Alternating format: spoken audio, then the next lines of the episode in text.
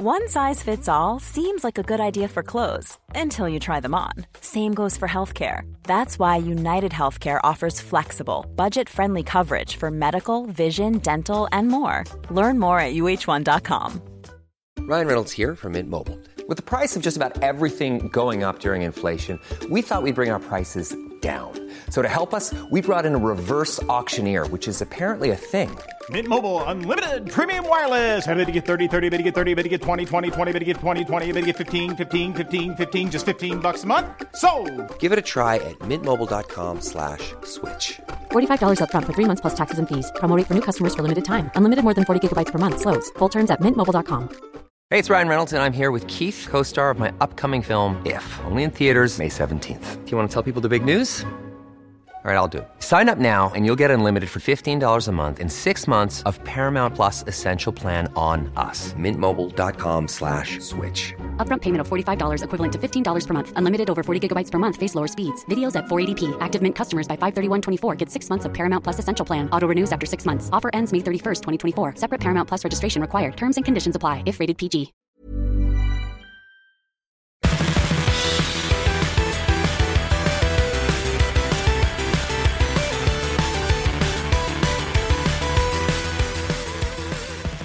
Vi är lite sena ut, så jag tänker att vi, vi kör igång. Eh, vet ni vad jag har gjort idag? Det är lite sjukt att du säger eh, Jag tänkte vi precis. kör igång och så ska vi ändå behöva prata om så här, ja, nu har någonting lossnat ur din röv eller snoppisen har hopp- flyttat till månen eller något dumt har hänt. Jag Ja. tänker, om man kör igång, då ska vi börja prata om att någon är dum i huvudet eller? Är det ingen i din vardag, Måste- Henrik, som frågar dig hur du mår så att du måste Nej. ta ut det här? Ja, okej. Jag bor här själv ute i skogen. jag var här och tog upp en båt idag. Hemskt. Här får man höra. Ja. Det tycker jag Okej. inte om. Måste jag vänta tills nästa sommar innan jag får ut och åka båt igen. Det tycker jag inte om alls. Eh, inte bra. Ehm, har det hänt något mer? Nej. Nej. Det, det låter på dig som att du tror att det här med att du har tagit upp din båt, det kvalar in på någonting har hänt. Det gör inte. jo, det gör det väl. Nej. Ändå. Åh, gud. Åh, gud, mitt liv. Det har inte hänt jättemycket alltså, måste jag säga. Nej. Eh, yeah, nej. Jag börjar med boxningen. Ja, okej. Var Ja, kul. men det har jag sett. Mm. Jävlar vad den lilla skitungen slog hårt. ja, men så, så jävla pigga de är, de där små barnen. Får du sparra mot barn? Hur gammal var han? Ja, ja men hälften av min ålder, det räcker inte. jag tror inte han hade gått ut i gymnasiet. Eller? jag vet, det är oklart om han ens hade påbörjat det. Om jag ska veta ärligt. Kanske. Alltså när jag gick på judo så fick jag ju ofta sparra, heter inte riktigt det, men mot, eh, det var en pojke som var 13 tror jag. Mm. Men det var bara för att han och jag var i samma viktklass. Mm. Och de andra männen som var där inte var i min viktklass. Men eh, varför fick du slåss med ett barn? För att det fanns ingen i min viktklass. För sparring. Så de bara, Henrik har inte gjort det här på ett tag, Så vi då fick jag sätter ta honom mot... barnet som var helt Ja. galet så fort han fick chansen och inte, inte kunde. Vissa blir ju så i sparring att de, de kan inte hantera att de får en smäll. Och då blir de ju tokiga. Och så bara vevar de. Är inte här hela är- grejen med sparringen att man ska lära sig att få en smäll? Ja, this bitch. Han tog tag i nacken på mig och drar en uppercut. Alltså så här. Och så, så jävla UFC-style. Varför trycksparkar de inte bara in i en vägg? Grejen var att jag, jag kanske till slut ledsnade lite jag också. Slog lite hårt i, Gud, alltså i två barn som misshandlar varandra. Det här är ju inte bra. Jag ringer polisen. Det känns som att det där är väl strålande tillfälle att prata med varandra. Så här, nu tycker jag att du slog mig lite hårt. Skulle du kunna lugna ner dig lite grann här? Och så jag, fortsätter gjorde, man. jag gjorde det efteråt när jag slog hårt först för att visa att jag kan också slå hårt om du Men tror du att han tvivlade på det? Jag var dum nog att slå mig sådär jävla hårt. Gud, För fan alltså, jag sig. får hjärnblödning av Det det är väl definitionen av fuck around and find out, eller hur? Ja, jo, visserligen. Men, men som du sa, hade han ens börjat gymnasiet och här står du 32 miljoner år gammal och beter dig som ett lika jävla mycket barn. Alltså, fan. Men Mm. alltså, V- Vadå, hanterar de inte bra att de blir slagna när man sparrar? Varför gör de Ja, men en del gör de inte det. De är inte så bra på det. De, eh, de, blir lite, de blir lite vilda när det inte går som de vill. Så de bara börjar veva liksom, hej vilt. Och jag märkte ju ganska snart att oj vad han börjar slå hårt nu. Och även om man liksom är sådär mycket mindre. Det är ju inte så att om du vevar på allt vad du har. För någon av de där, några av de där träffarna gick ju in. och så bara, bara ja det, det känns. Det, man får ju, det känns att få en full liksom, smäll av någon som väger 70, 60, 70 kilo också. Det känns ju. Mm. Framförallt om han, han var ju ganska duktig på boxning också. Mm. Men, ja. Men du väntade på parkeringen på honom? Mm. Nej, jag kan ta en smäll. Det har jag aldrig haft något problem med. Men det, det är bara att ska du, ska du hålla på och fuska sen också, då kanske du får Åh, en, en hurvel tillbaka till slut. Borrar man upp handen i njuren och så ser man den. så mår man så oj, oj, nej, råkade, oj. Oj, det blev lite hårt. Typ- Trist. Trist. Alltså. Är. Jag vill prata om Kajsa Dovstad. Jag tror vi borde få bjuda in henne. Ja, ja hon, kommer, hon kommer nog Men jag ja. faktiskt eh, jag har bra kontakter på Timbro. Ja, ja men vad bra. Eh, jag har mejlat med dem och fått svar och allt möjligt. Mm. Eh, för Kajsa Dovstad är ju så himla speciell. Det här, Är hon det här blir ju inget, ingen lång grej, men det här med att hon de pratar om existensminimum och så skrev hon har levt under vad staten tycker är existensminimum större delen av mitt vuxna liv. Ja, Hur gammal är hon? jag vet inte. Det här måste vi ta reda på. Hon- Kajsa Dovstad, Typ ålder 35 kanske? 32. 32, ja. Uh, vuxen ålder så, ja men det är ju 14 år.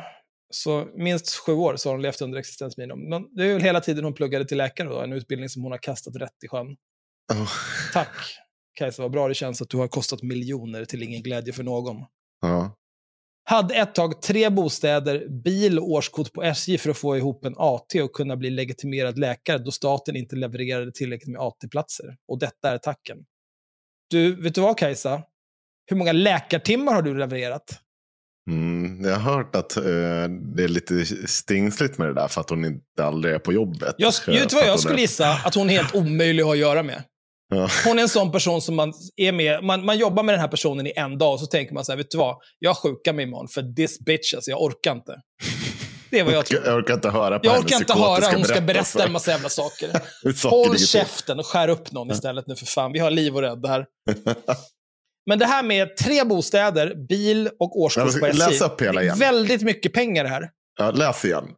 Har levt under vad staten tycker är existensminimum större delen av mitt vuxna liv. Hade ett tag tre bostäder, bil och årskort på SJ för att få ihop en AT och kunna bli legitimerad läkare då staten inte levererade tillräckligt med AT-platser. Och detta är tacken. Jag vet inte vad, det är hon, vad som är tacken. Att hon inte Ja. får ett jobb eller vad är... Hon har ju raderat den här. Det är, det är, en, del, det är en serie eh, av eh, saker hon säger. Tänk, Eh. att- tänk att liksom vara, ja i och för sig, nu är det ju Benjamin Dosa som fortfarande är vd på Timbro. Och han Ja. är ju pinsam i sig. Men Mm. tänk att vara typ någon sån här pressmänniska på Timbro som ändå kan säkert föra sig. Och så här, vet du vad, vet du vad jag ska göra innan jag säger den här saken? Jag ska tänka efter. Mm. Och så sitter man där och bara, ja, nu har vi ju anställt den här läkaren som har en massa starka åsikter om saker. Och vad gör hon? Jo, hon skriver en massa korkad skit på Twitter som hon sen är tvungen att radera för att det är Mm. så jävla dumt. Det måste ju vara extremt pinsamt. Ja, det är helt... Ja, den är, Tänk den att jobba med sådana människor. Jag Alltså, hade om man- tre bostäder. Hur kan vi diskutera hur du hade råd att ha tre bostäder? Bil Ja, men vi kan ju räkna och på det. årskort. Ska vi Ja, säga vi. 5 000 styck per bostad i snitt?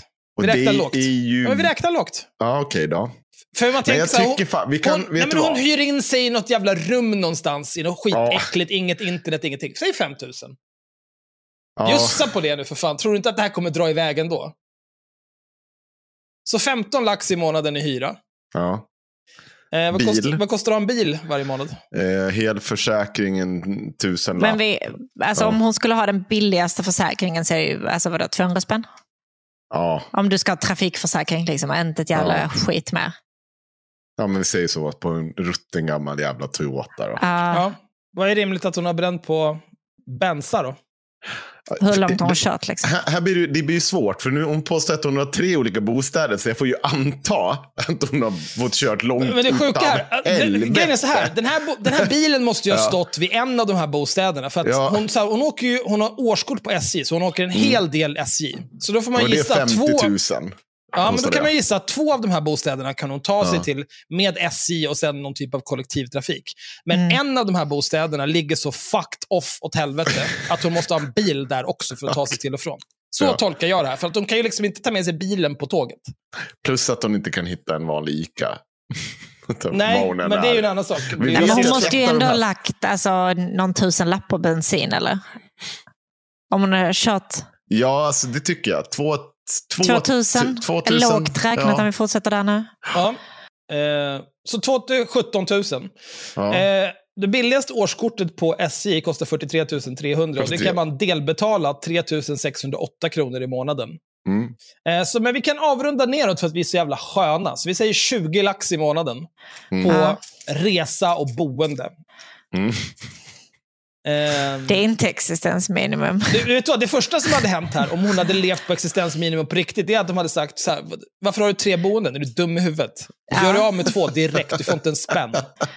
Sen hade de sagt, har du en bil? Är du dum i huvudet? Sälj den direkt, du får inte en Nej, spänn. nej, inte nödvändigtvis. Det kan, det kan vara... om om du kan bor vara, i Tjotahejti och du måste ha en bil för att ta dig någonstans, möjligtvis. Men de är jävligt stingsliga med att äga saker. Alltså. Det ska man inte göra. Och sen Ja. det här årskort på SJ. Mm. Nej, vet du vad? Jag tror inte det. va. Och sen framförallt Sen så får man ju handlar det ju om... anta att hon haft någon typ av S- eh, SL-kort eller något sånt man kan också. köpa till det för typ 20 000 till, tror jag. Aha. Eh, res plus, ja, lägg till kollektivtrafik. Res plus 20 000. Res med regional kollektivtrafik mellan 50 000 hållplatser i hela Sverige. Jag antar att det gäller kollektivtrafiken i hela Sverige då. Men det är ändå liksom 63 000 om året. Det är ganska mycket pengar.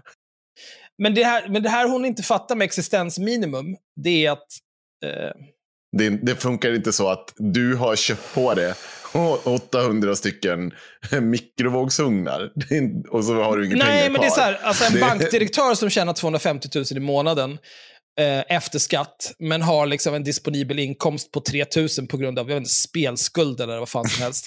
Det är inte en person som lever på existensminimum, det är en person som lever över sina tillgångar. Och det är precis vad Kajsa Dovstad också har gjort om det här nu var ett problem för henne. Om det här verkligen var sant. Ja, ja nej, det har jag visst. Men, Vi har varit så snälla med allting annat, så vi får ge henne att det här är sant. och få rabatt på allt hon köper och så låtsas vi att det också hände.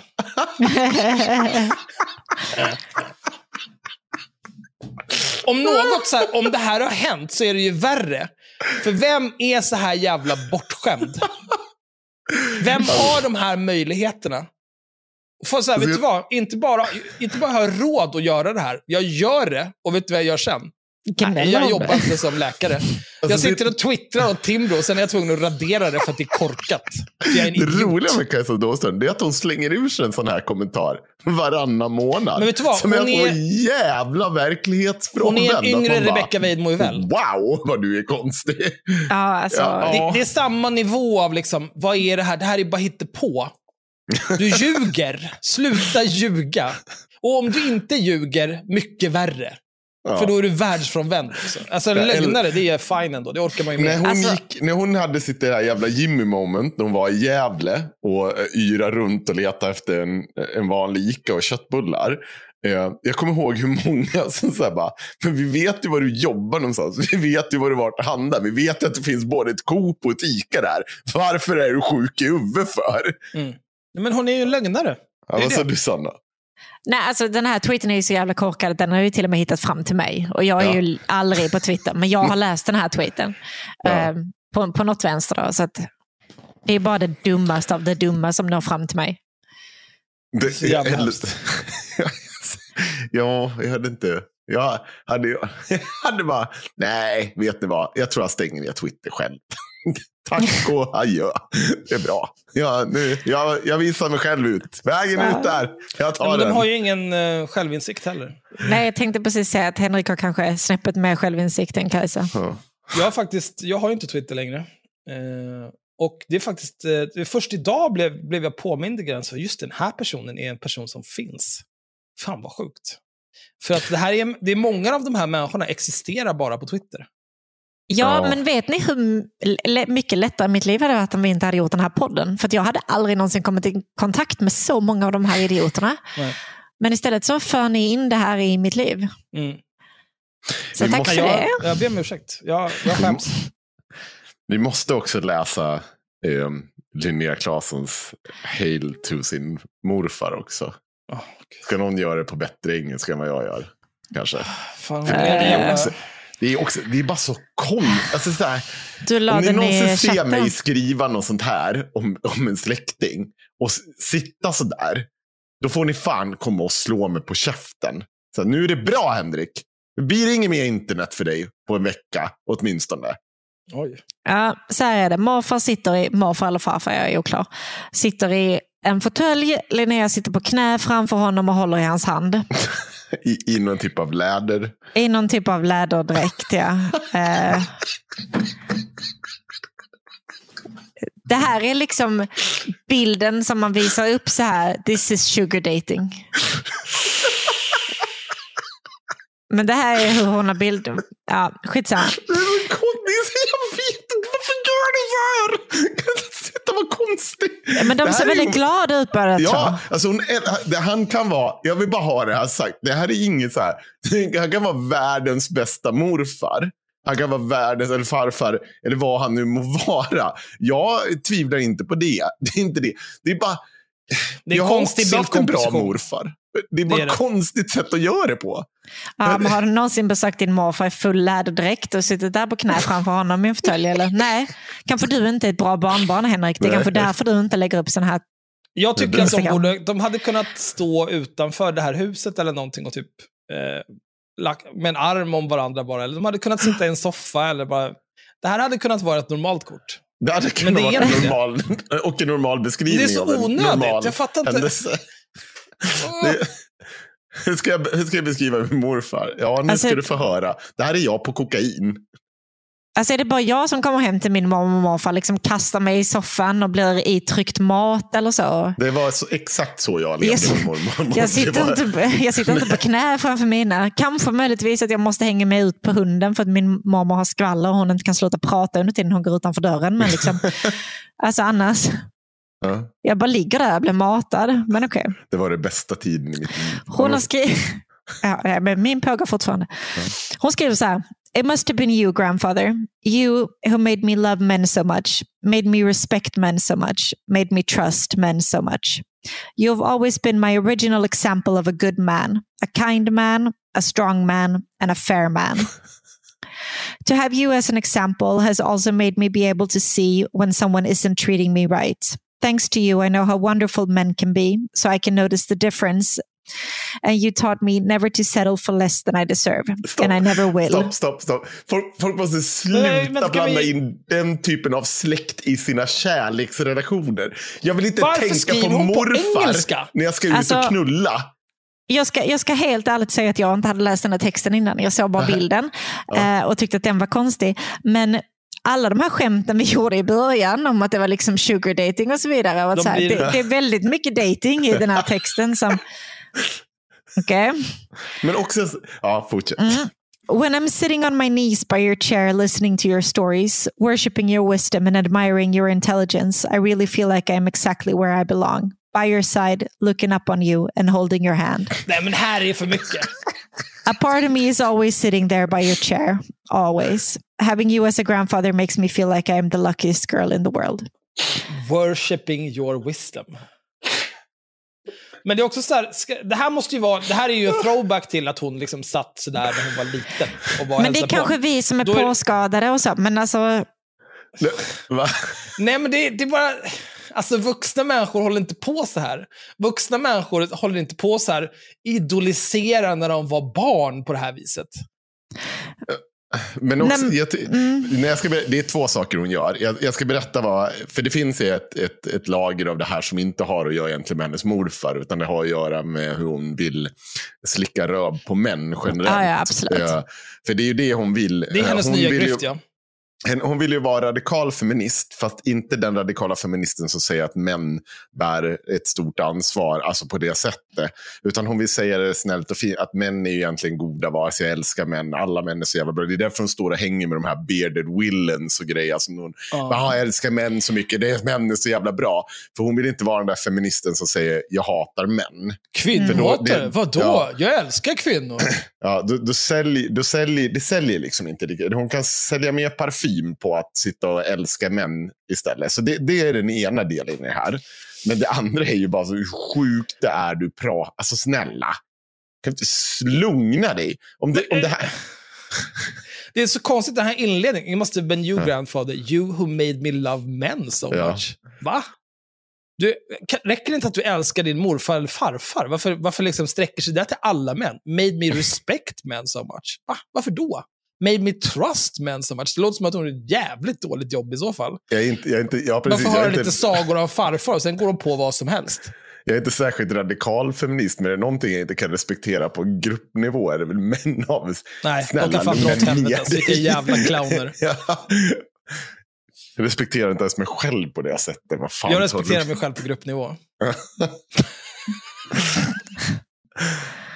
Du Ja. alla rösterna i huvudet då? Ja, eller? fyll ett rum med kloner av mig så är det nog minst en av dem som behöver gå och ta en dusch och skälla ut rören. Ja, förmodligen. Nej, det, är det, så, det, det, det kan, kan bara inte sluta. Ja, kan inte bara ta det Det blir lugnt. för mycket. Det här är... ja, också, också, varför skriver hon på engelska? Ja. Det här är någon ny, det, det här är en del av något nytt som pågår. Ja, men hon har ju gjort det ganska ofta på senaste, har hon inte det? Gjort massa engelska inlägg och... Jag vet inte om vi tog upp det, att hon har börjat sålt föreläsningar nu. Har vi gjort det tidigare? Eller har vi bara pratat om det i någon chatt? Eh, jag vet inte. Hon har ju börjat nu sålt sin föreläsning istället för att uh, Jo, men det pratade vi om. Lura. Ja, men vi har ju det. Hon skulle Så väl att- föreläsa någon, eller ja, jag vet inte, Ja. göra någon show av det liksom. Och det är ju... Jag är Du menar att det här med att hon 99% skriver på engelska för att kunna göra det internationellt och att hon slickar över på män generellt är för att de inte ska säga när deras tjejer och döttrar vill gå så ska de inte säga den där jävla feministfettan kan dra åt helvete. Utan då ska de säga hon den där sköna tjejen som älskar män och respekterar män och litar Ja. på män. Det är klart att vi ska gå och titta på henne. Så är det. Ja, nej, visst, det låter väl rimligt. Ja. Eh, uh, uh, uh, lär känna berättarna. Och jävlar, det har hänt! Vadå? Folkets berättelser. De har släppt sitt första avsnitt nu. Nej. Har, har de det? Vad var omröstningen då? Ja, jag vet inte om det blev någon omröstning. Lär känna berättarna. Vi lyfter fram de många människor. Berättare, Raluca Pascanu. Lyssna på berättelsen. Det är lätt för dig att säga som har läkarlön. Den meningen blev droppen för Raluca. Det var då hon bestämde sig för att säga upp sig från jobbet som specialistläkare inom psykiatrin. Hon kände tydligt hur hon behövde en paus från sjukdomens värld och ansvaret som läkare. En yrkesroll hon hade arbetat hårt för att uppnå. Hon förstod själv varför just den meningen blev så avgörande för hennes beslut. Orden tog henne tillbaka till barndomen i Rumänien och fattigdomen som låg som en blöt filt över henne. Minnet av pappan som övergav familjen, resan till landet Sverige och att försöka ta sig in i det svenska samhället och yrkeslivet inom psykiatrin. Detta är Raluca Pascanus berättelse. Eh, Mm. alltså jag har absolut ingenting emot Raluca Pascanu, men det här låter skittråkigt.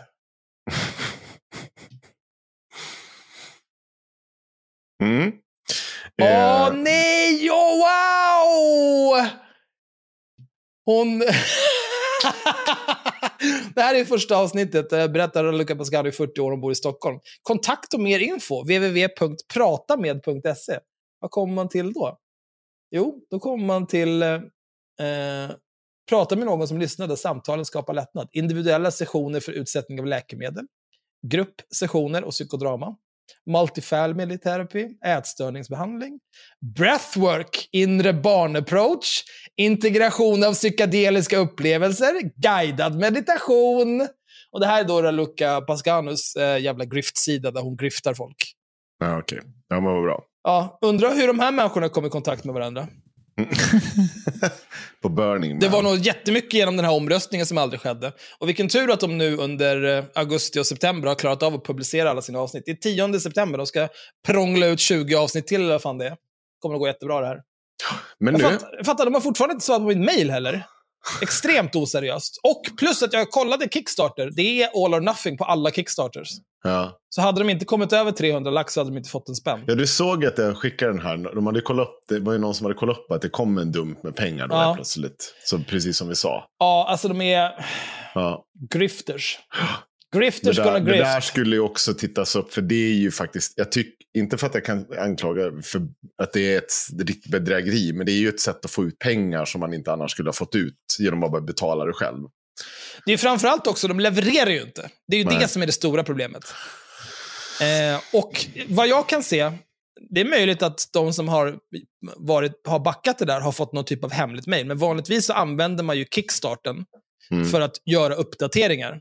För det ser ju både eh, alla som har varit med och backat, de får ett mejl med uppdateringen. Plus att alla som tittar på Kickstarten kan läsa uppdateringshistoriken. Mm. Eh, och jag vet inte, de kanske kommunicerar på något helt annat vis, att de ligger liksom två, tre månader efter i sin planering.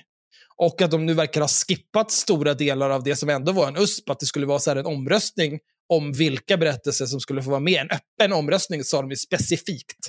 Men det skiter Ja. de i, så ju- nu gör de någonting helt annat. Så att de har ju liksom inte... Ja, ja, de har ju inte levererat det de utlovade direkt. Så mycket kan Nej, man säga. men, men grejen är ju så här att det där är ju någonting, det är ju en image man gör utåt för allmänheten. Och sen räknar man med att de få som är med och backar, som det nu blev, de bryr sig inte. Och så, och så klarar man sig Nej, det- undan, det gör för det de är ingen inte. som ifrågasätter. Nej, Plus för- att då kan man det säga efter två lyckade kickstarts, efter tre lyckade kickstarts, Mm. lyckade kickstarter efter lyckad kickstarter. Men de är ju grifters. Jag ska nog fan prova, jag har ju Navids nummer, jag kanske ska prova att ringa honom sen. Mm. Ska vi prata om eh, att vara tjock? Ja, nej. Ska vi inte göra det då? Så vi får det ur världen. Ja. Visst. Pratar du? Har du lyssnat Sanna? Nej. Har du sett dokumentärerna? Nej, jag vet inte vad det handlar om alls. Det, det jag kan rekommendera den varmt, det är alltså ehm, Fredrik Boltes, känd från Svenska nyheter, som han, fast han var egentligen bakom det. här. Men framförallt så är han känd från eh, reggae-bandet Partiet. Eh, jag eh,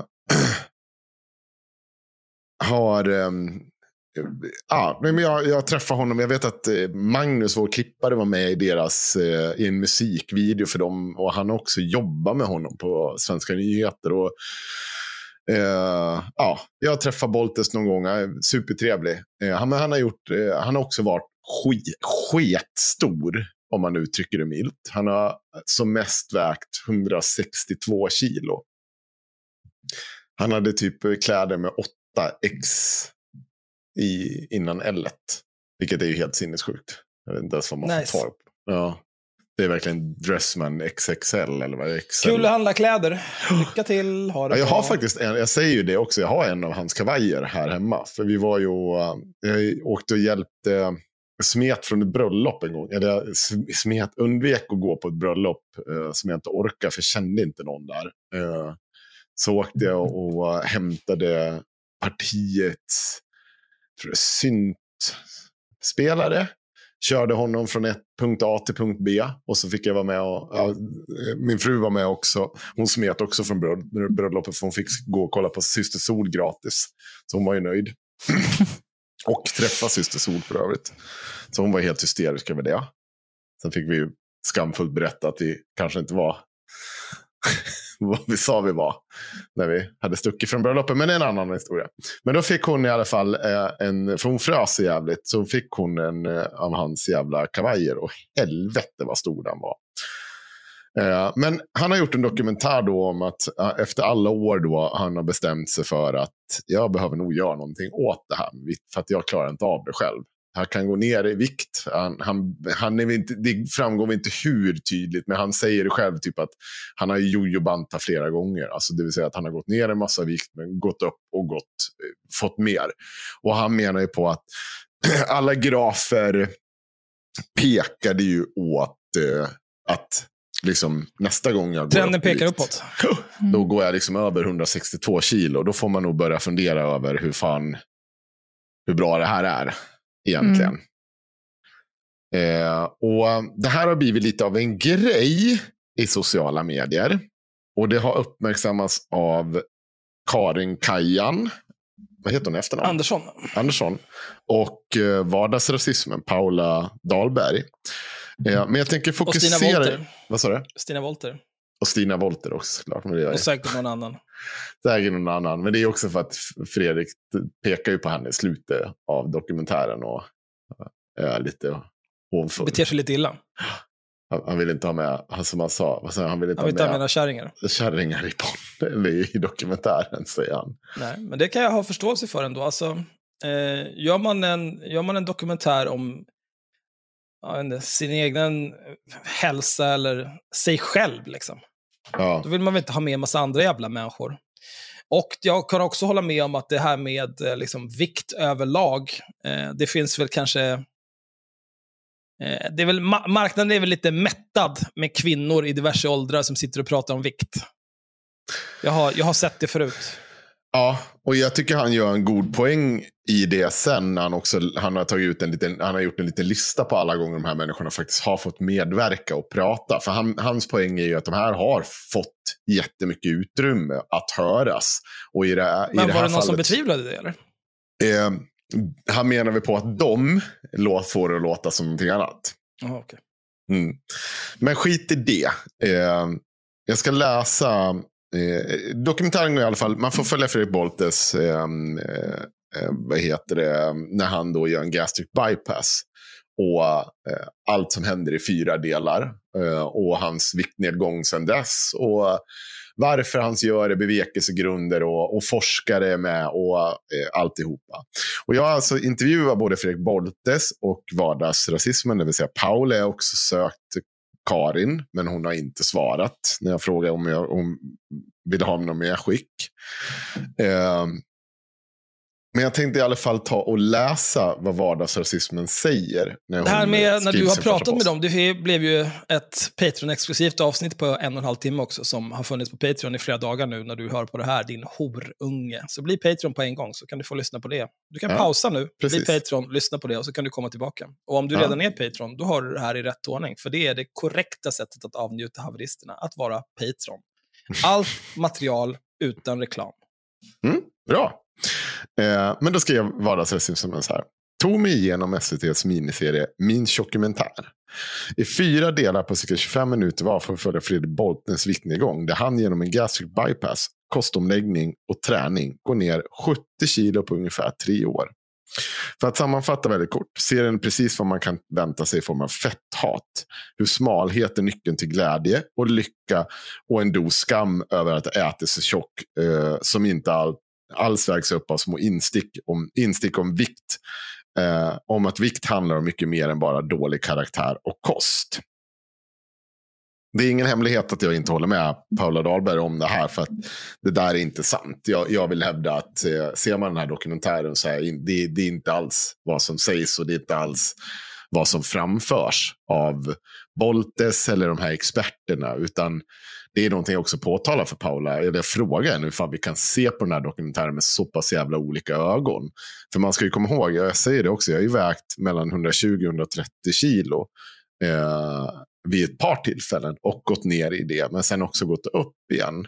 Så jag vet ju liksom så här, jag har väl också sett, alltså jag vet väl också hur det är att uppfattas som eller vara fet eller liksom få problem med det. Jag, jag tycker det är ett väldigt konstigt sätt att se på den här dokumentären, att det skulle finnas någon typ av fetthat i det här.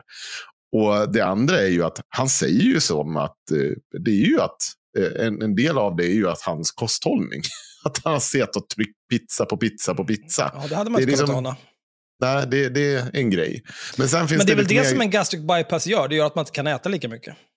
Bland annat. Och sen har de kommit på att eh, det är någon typ av ämne som utsöndras i magen. Som eh, det ändras i och med gastri- gastric bypass som gör att du är, liksom få ett mindre sug. Visste de En- det innan de började operera folk, eller är det bara något de har upptäckt Nej, det är tydligen någonting man har fattat sen. Att det är det som Vilken jävla flax! jo, men... får man Tänk om det var ett ämne som gjorde folk till yxmördare. Det hade varit sjukt. ja, men det, han tar upp, det här visste inte jag. Tydligen är kroppen extremt bra. Om du är en överviktig person så är kroppen väldigt bra på att ställa in sig på att du ska väga så. Så att när du går ner i vikt så vill gärna kroppen jobba mot att du ska tillbaka. Genom att säga att du ska bli hungrig, genom att göra här och här. Och så Man tar upp Du ganska behöver mycket ställa om din baseline. Liksom. Ja, och som jag uppfattar så är det en av de positiva effekterna med gastric bypass. Att du ställer om den där och också får en omställning av den här jävla baseline. För den här hungern-grejen sänks. Hjärnan, det blir en bättre grej. Sen finns det såklart massa risker som också redogörs för gastric bypass. Men eh, Fredriks poäng där är att En på 4 000 dagar va? Ja, men också Fredriks poäng är ju att är du smällfet så är det ännu farligare. Mm. Och då pratar vi inte smällfet som i att hej, jag väger 105 kilo och är 1,90 lång. Det är Nej. inte att vara smällfet. Du behöver inte Väger inte 162 gas- kilo. Ja, det är ju 162 kilo eller att du har gått över i obesitas. Alltså du, att du verkligen är, det här är ett problem. Det är en sjukdom. Vi får bland annat se Grete, Fredrik gråta över att han är tjock. Vi får se honom gråta när han får veta att han vägde under 100 kilo. Gråta när en psykolog pratar om att han måste lära, känna, eh, lära sig känna sina känslor när han inte kan ta till mat för att hantera sitt mående. Samtidigt ramas allt in av snippets från Fredriks stand-up show om sin viktresa där han skojar om allt från att vara en tjockis med svamp i skrevet till att han försökte få sjukvårdspersonalen att filma eh, allt med hans mobiltelefon när han var på väg att dö av inre blödningar efter en operation för att ta bort löshud. Mm. Det, det här stämmer ju. Han, han försökte ju det. Han försökte få ju dem. Så Ja, det är ju liksom- bra tv. Och jag, här i, än en gång så är Paula och jag ganska oöverens. Här, för att, eh, Fredrik menar ju på att han bara han drar ju skämt som är roliga. Han tycker de här skämten är bra. Han har inget problem. Är ett skämt nog bra så kan du skämta om allt. Och det, det håller jag ju med honom om. Ja, Men det, jag alltså, det är ju skämt ska vara roliga. Ja, precis. Men, kan, men du kan skämta om förintelsen då. Jag såg, vad Ja, fan var det? du, är det tillräckligt kul så kan man skämta Ja. om precis vad som helst. Ja. Men Eh, grejen är ju att det finns ju alltid en massa surjävlar som inte tycker att någonting är roligt. Ja.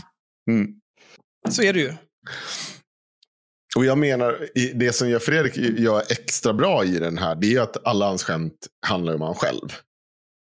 Och han får fan skämta lite hur han vill om sig själv, ska jag säga. Där, den som är ytterst där och har rätt att vara kränkt, det är Fredrik själv. Och Ja. att han skämtar om sig själv.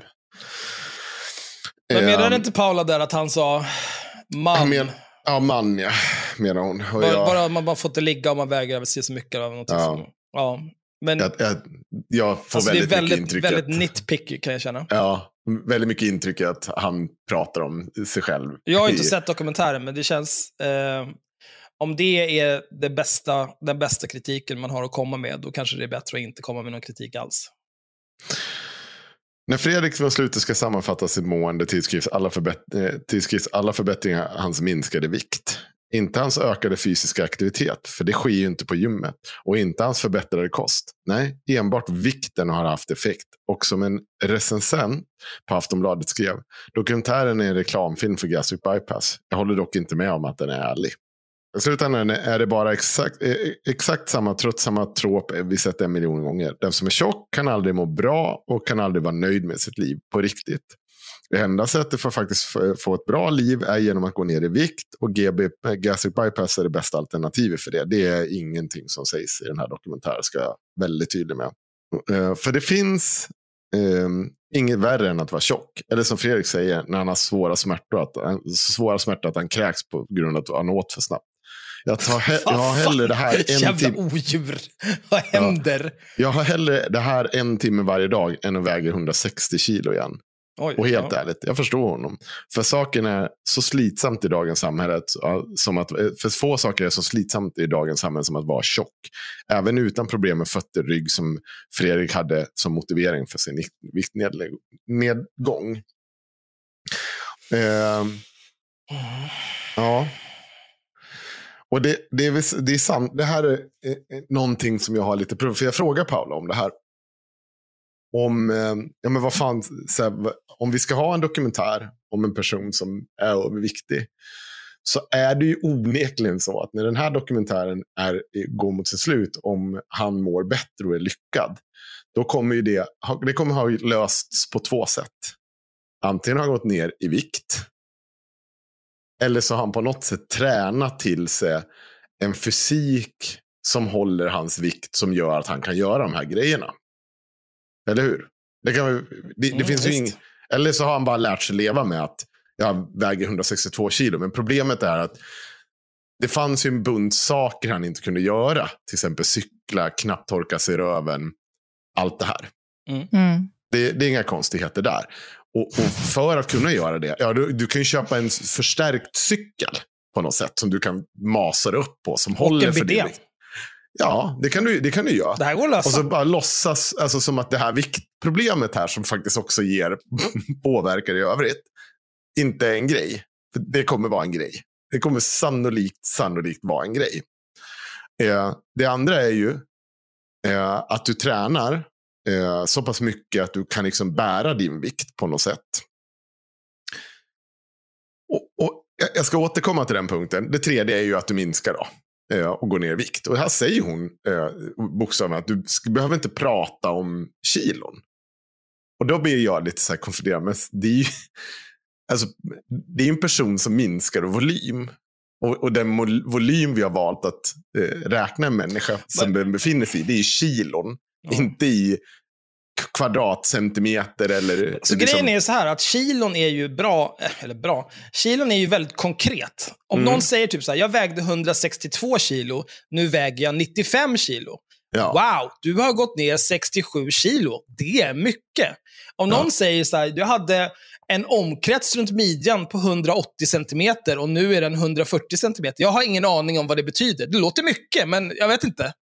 Nej, det är inte normalt sätt jag Nej, det, det är inte så på. vi pratar om de här sakerna. Nej. Utan vi pratar om kilon. Det är inte som att här, när jag pratar om hur lång jag är, då säger inte jag hur långt är det från min gässa till solen. Jag säger hur lång är jag från marken upp till huvudet. Vad fan? Det, varför varför hålla på att försvåra saker bara för att folk är allergiska mot vissa ord? Väx upp! Jag, jag håller ju med. Alltså det, det finns ju... ja, det ska vi också återkomma till. Hur, hur man ser på människor som... Ja, eh, jag blir förvånad över hur, hur jävla stingsigt det blev. Eller stingsigt, hur jävla... Alltså den kritik som man väljer att lägga fram är så jävla... Alltså det här är den mest intressanta dokumentär om vikt som har kommit på flera år. Och den, för den görs på så många bra perspektiv. Där, alltså bland annat så sitter de här experterna och uttryckligen säger så här bara att om vi inte hade sånt jävla fokus på vikt, då hade vi säkert haft färre av de här eh, vad heter det, eh, operationerna. Mm. Och det hade vi kanske, jag vet inte, jag, jag, vill, jag hoppas att inte det skulle också ha lett till att folk eh, bara sitter och äter sig liksom smällfeta, utan att det faktiskt får andra effekter som att man fokuserar på hälsan på ett annat sätt och, och liksom inte känner den stressen som kanske leder till jojobantningar eller liksom så här ätstörningar och att det, att det får den typen av positiva hälsoeffekter. Där är vi ju rörande överens förmodligen, jag och Paula. Att det, och det är ju uppenbart experterna också överens med. Men det är som att de inte liksom ser den här delen bara för att det står någon där i mitten och tappar vikt. Ja, men det är det som händer. Det är det som händer. Det är tyvärr lösningen på de flesta av de här fallen när du väger så här mycket. Då är det att tappa vikt. Vi kommer Ja. inte kunna gå runt det. Alltså när man väger så mycket att det, alltså man är ute på extremen, liksom, alltså vare sig om det är mycket eller lite, liksom, då handlar det ju väldigt, väldigt sällan om Nej, fan jag vill se snygg ut till sommaren. Utan det handlar ju om kroppens funktion. Det handlar om Ja. att du ska kunna använda din kropp till sakerna som du vill kunna använda den till. Sen vad det nu än är. Alltså, det är ju ingen som sitter liksom och väger 200 kilo och bara, nej men alltså fan, beachbod, Nej, det är, in- det är inte det det handlar om, utan det handlar liksom om att jag vill kunna resa mig ur sängen. Jag vill kunna Ja. knyta mina egna skor. Jag vill kunna ta kanske en promenad runt kvarteret eller alltså, leka med mina barn eller vad fan som helst. Det handlar ju nästan alltid, när jag har hört folk prata om vikt, i sådana extremer i alla fall, om funktion. Ja. Och då får man fan ta ett kilo och ramla med det. Men det är liksom inte huvudpoängen heller. Nej. Och sen är inte gastric bypass också en extremt farlig operation. Nej, det, det, det är det som också lite tas upp här. Att det har, den har ju gått framåt extremt mycket den här. Okej. Men att det finns, så här, det finns alltså en ökad risk för alkoholism. Det finns en Mm. ökad risk för benskörhet. Mm. Men att om du är, tar dina vitaminer och sånt så säger inte det något problem. Och så finns det ju de här som, ja det är en på 4 000 dör. Men då ska ju det vägas in mot om du väger 162 kilo, vad fan händer med dig då? Kan man säga att en på 4 000 dör av det också då? Ja, förmodligen. Alltså en på Mer. 4 000 låter ändå som en ganska säker operation jämfört Ja. med annat. Vet du vad? Jag skulle, med de oddsen skulle jag spela en hel del rundor rysk roulette. Ja. Men, eh, så han, eh, det, det, men han, det, det ska också sägas Hanna, att han påtalar här i varje avsnitt. Så säger han flera gånger att det här, jag, jag tror det, jag, så minns jag det i alla fall. Det är en bestående minnesbild och inte av liksom, att jag är färgad av att jag har läst dem. Utan jag var, jag var så jävla ställd för att jag läste, jag hade sett att den här dokumentären skulle komma. Jag, trodde, jag tänkte att det här ska bli intressant att se. Eh, och sen läste jag liksom deras recension av den och, och, bestäm, och tror ju då att den ska vara lite mer platt än vad den är. För att jag, jag tror ju inte att de bara sitter och säger så här, någonting helt ur det blå. Men jag kan verkligen inte efter att ha sett den säga så här, jag håller inte i princip med er på en jävla punkt här. Det är helt otroligt hur vi kan se på den här dokumentären så jävla olika. Jag ska säga två dokumentärer som har kommit de senaste åren som jag minns extra mycket. Det är Jesper Rönndahls, eh, den som handlar om eh, mordet på den svenska skolan, tror jag han heter. Och den här. För de har sådana jävla unika grepp på ganska allvarliga saker. Och det som är intressant här också att är, eh, det Fredrik tar upp, det är 100 000 personer idag som har gjort en gastric bypass i Sverige. Det är fan ingen liten klick. 100 000? Ja, 100 000. Mm. Tänk vad många som har dött. Ja. Nej, men det är 100 000 som har gjort det. Eh, och, och, liksom, de, och de flesta lever ju bra liv efter det. Alltså, det är typ 25 personer som har dött då, eller va? Jag vet inte. Jag vet inte, jag kan inte räkna. Dela 100 000, 100 000 på 4 000. delar med 4 000, är inte det 25? Jag har ingen aning. Jag, jag gör det här åt er nu. Det är 25. Det är 25. Jag tänker också att så dålig Det är jag 25 hörni. Tack Axel för att du kollade upp det där. Men jag kontrollräknar Ja, jag gärna hade blivit helt galen av att inte veta. Alltså. Ja. Det Hur ska jag räkna ut det här extremt enkla talet om inte Jag bara fanns med till. Google till Det hands? fanns ju frågeställningar här. Då tänkte jag, då löser jag det här. Axel har dragit fram AI här och ställt frågan. I Jag har faktiskt långt ställt en fråga till AI inför det här programmet. Hun- 100 genom 4 grabbar, det är tufft. Eh, det är 25 va? Ja.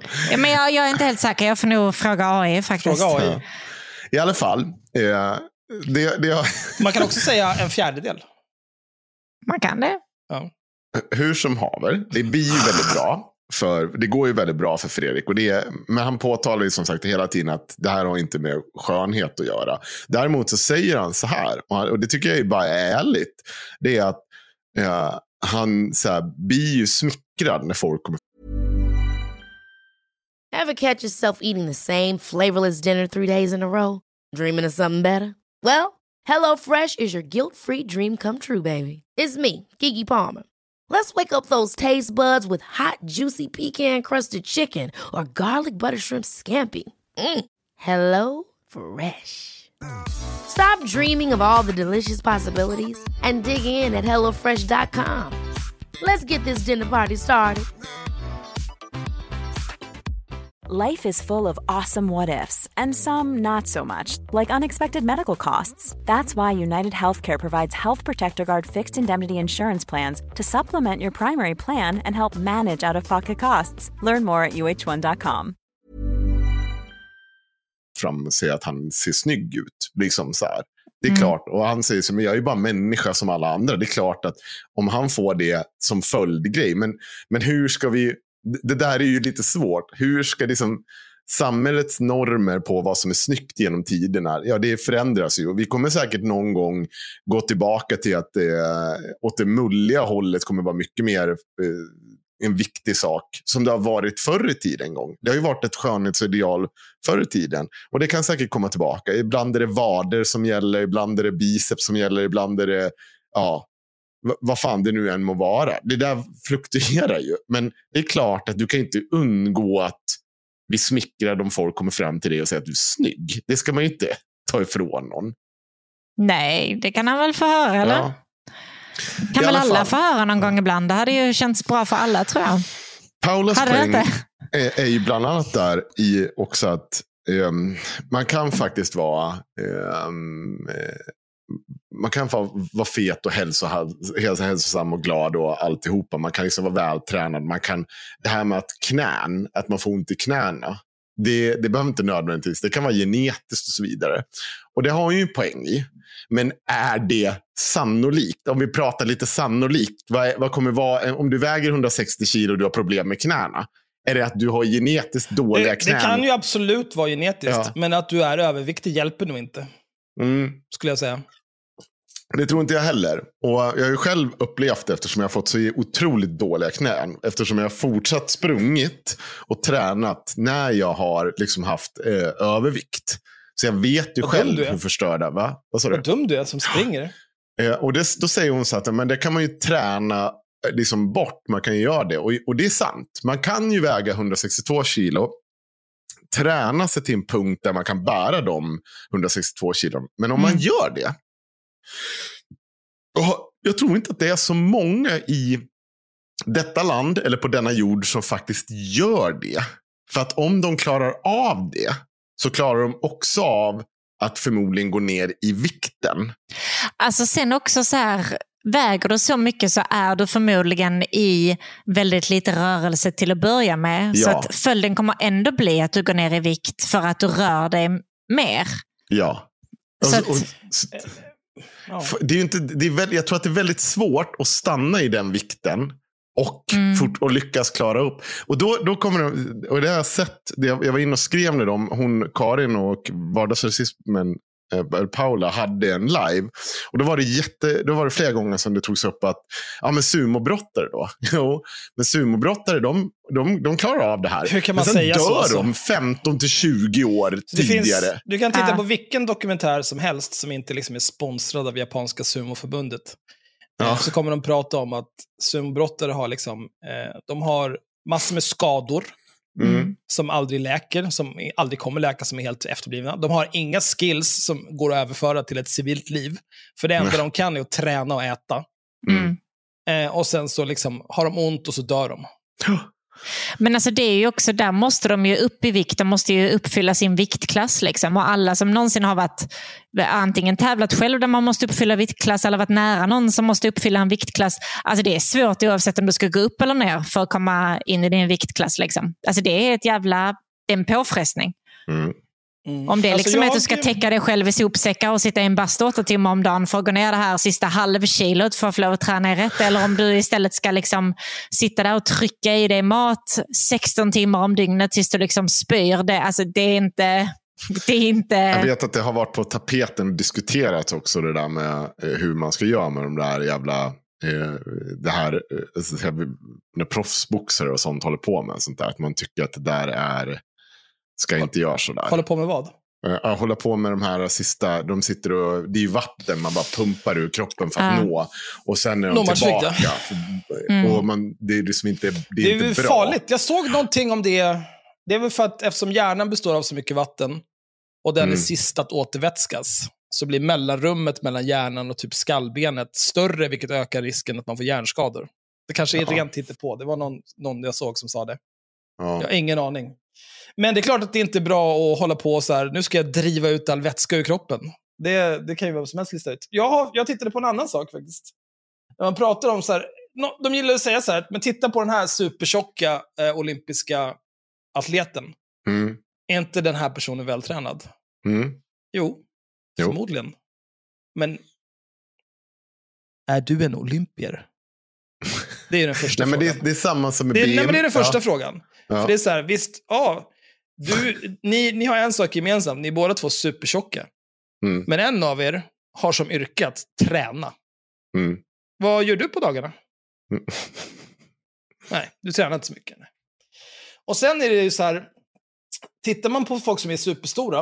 Eh, det finns en kille som heter Lasha Talakadze. Han kommer från Georgien. Han är jättestark. Han är starkast på jorden typ. Eh, och han tävlar i olympiska lyft. Och tittar man på viktklasserna där, då är det så här, de går upp ett par kilo mellan viktklasserna och viktklasserna hoppar 6 kilo i taget ungefär. Mm.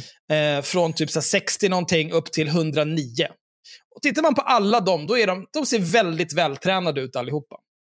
Ja. Eh, Lasha Talakadze, han är 1,90 någonting. Eh, ska jag säga. 1,97 är han. Och, han är också väldigt stark. Väldigt, väldigt stark.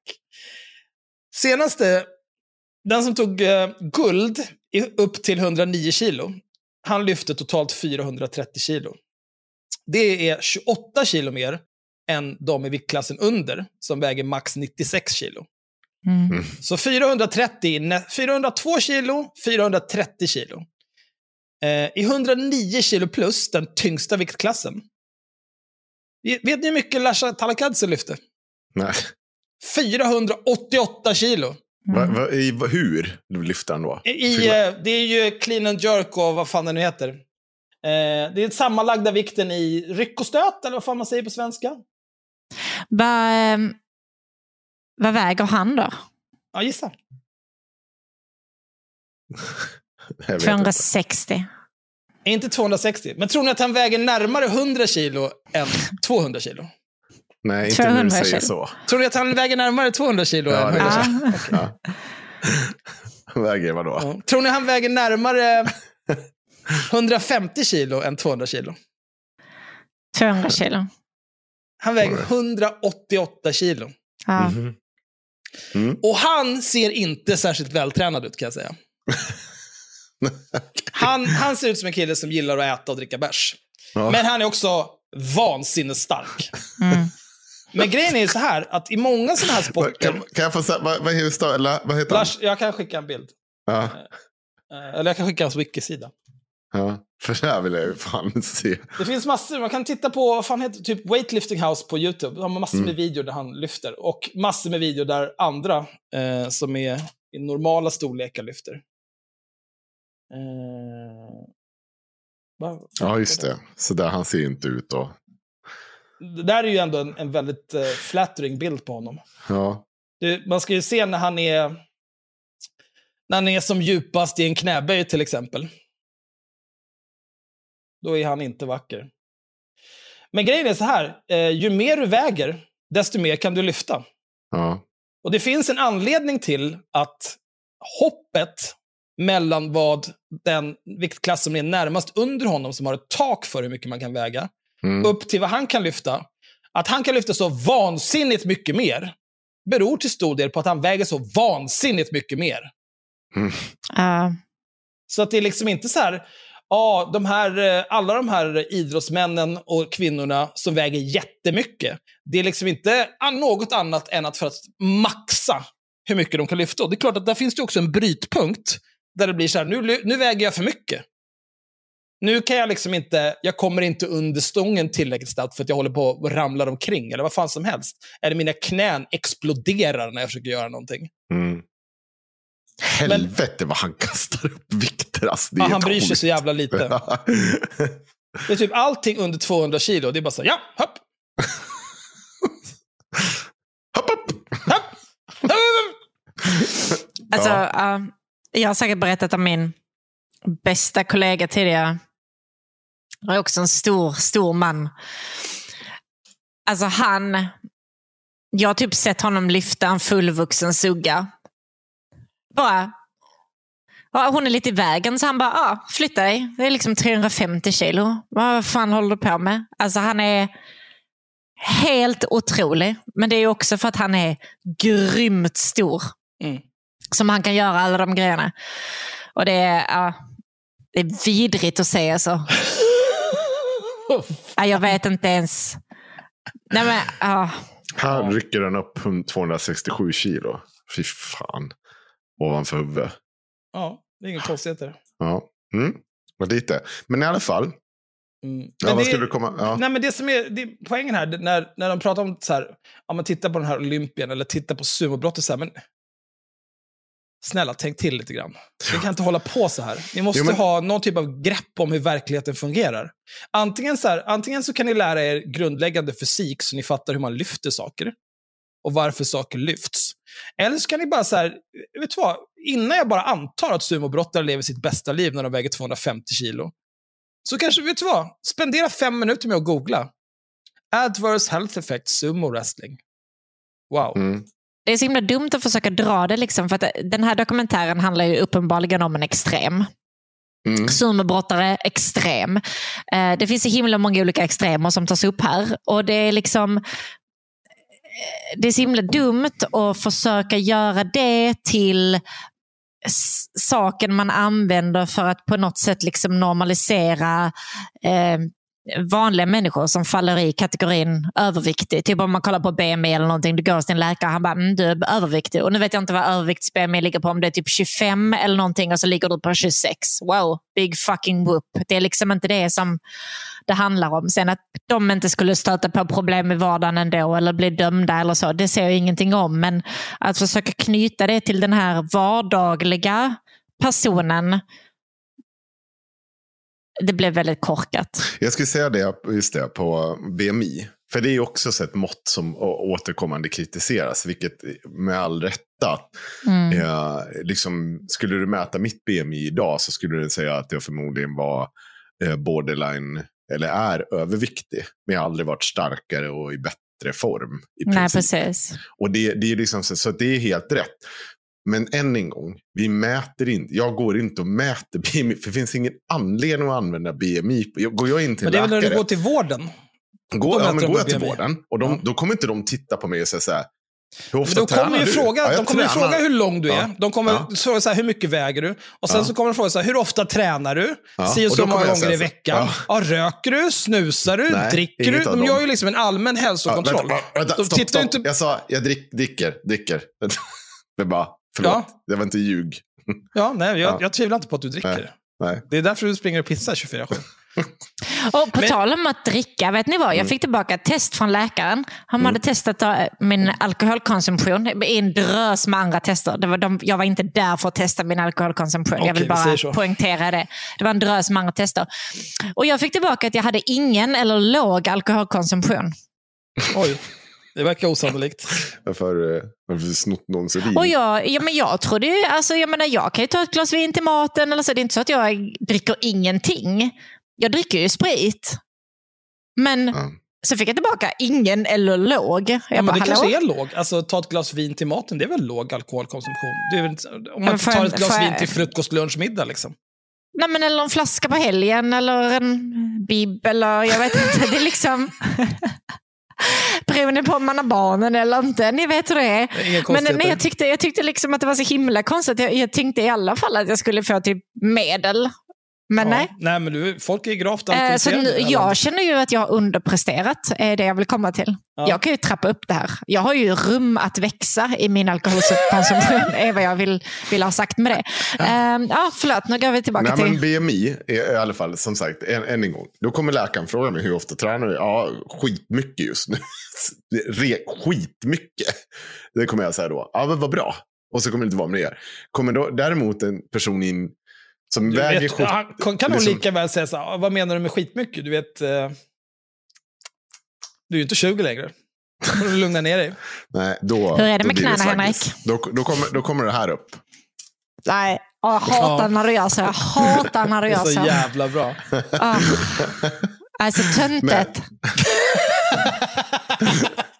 I alla fall, det var inte snoppis jag visade där, Nej. utan det var dina knutna nävar. Det här, det här, ja, Men, Det men är lika skit i samma. illa. BMI, ja det kan vara ett pissdåligt mått. Det vet vi alla. Men när någon kommer in och inte ser sin snopp, får svamp i veckan och inte kan vara med sitt barn. Då är BMI förmodligen sant. det, det är ja, det men, som men är det är väl problemet. också liksom så här, Ja. ja visst, BMI, du har ett 45 i BMI här. Och sen så berättar de att du är liksom bajsig i rumpan för du når inte att torka dig. Du har svamp under pungen för du kan inte tvätta dig. Ja. Eh, du blir andfådd av att resa dig. Eh, när ditt barn springer omkring så ramlar du bara omkring och, och liksom vet inte vad du håller på med. Det låter som att du allmänt har en ganska dålig hälsosituation. Det kanske vi ska göra någonting åt. Och det här med att du väger 162 kilo, det kanske är ett bra ställe att börja på. Ska vi göra något, eller? Nej, men liksom, det, är så, det är så himla konstigt att låtsas som att det inte kan vara ett problem att vara jättetjock. ja. Jag fattar inte vad poängen med det är. För det är så här, om, om du vill vara jättetjock, var det. Jag bryr mig verkligen inte. Och jag kommer inte gå runt och, och så här, åh, titta på tjockisen, wow, wow, wow, för att jag går inte i femman. Nej, precis. Eh, och så här, det är fine. Och sen så visst, det finns säkert en massa samhällsproblem. Så här, tjocka människor blir sämre behandlade på arbetsplatser, blir sämre behandlade i vården. Så här, det ska vi absolut göra med. Så här. Men om det är någon som är jättetjock och är glad över att den personen är på väg att gå ner i vikt, kan de få ha det då eller? Varför Mm. måste det grinas så jävla mycket då? Mm. Jag, ska läsa Karin skrev en, en, eh, en status och jag ska ett av svaren här. Och det här, ja, jag tittar på min dokumentär nu. Eh, och chocken i att det var exakt vad jag trodde och fick mig att må exakt som jag befarade. Tänk va, nästan som att jag har varit med ett tag, kan mig själv och vet, att, vet, vad folk, vet vad folk alltid lyfter fram när det kommer till vikt. Så till er andra som uttryckte att ni resonerar som jag och kände att det här var en enorm trigger. Det kommer sannolikt att vara det. Se den inte. Eller så här.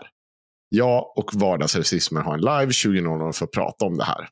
Ja, och det får hon ju ha. Och hon får ju, det kan ju finnas människor där Ja, men det var ute. bara bra. Ja, ge fan i att titta på den då. Om, är du, är du, vill du inte se viktnedgång eller vill du inte se en, en dokumentär som pratar om vikt, gör inte det. Det har du helt rätt i. Men problemet är att det, det är ett problem i samhället idag med övervikt. Och det behöver hanteras. Och då behöver vi hantera det på bra sätt. Eller så kör vi bara biggest loser på alltihopa och tror att vi ska lösa det så. Vilket vi inte kommer göra. Och där är nog jag, både jag, Karin, och Paula, Karin, Paula och jag rörande överens om att det gör ingen nytta överhuvudtaget. Mm. Det gör absolut ingen. Det, det senaste bantningstipset på Aftonbladet gör ingen nytta överhuvudtaget.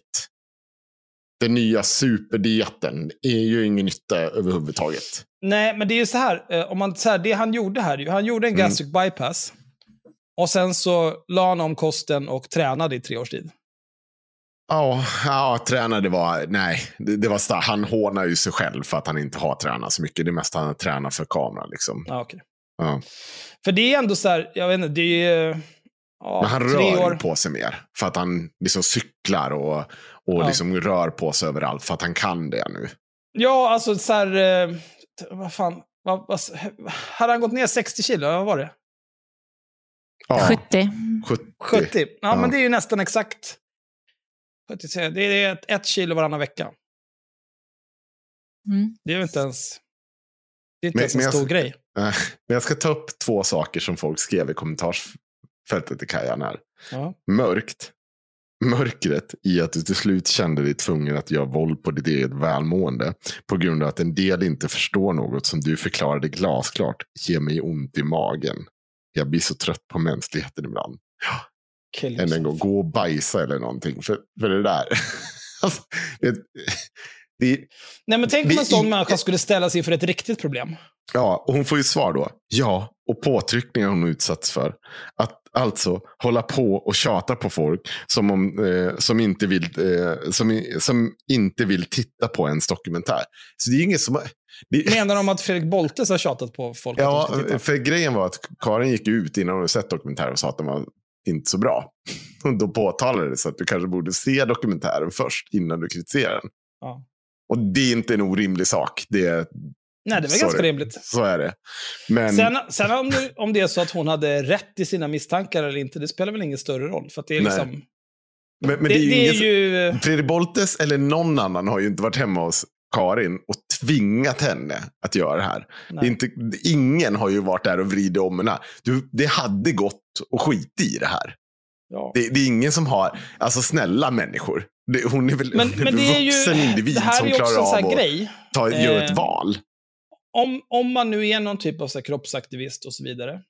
Eh, och det enda man vill är bara få, liksom, man ska kunna vara tjock och det ska inte vara något problem.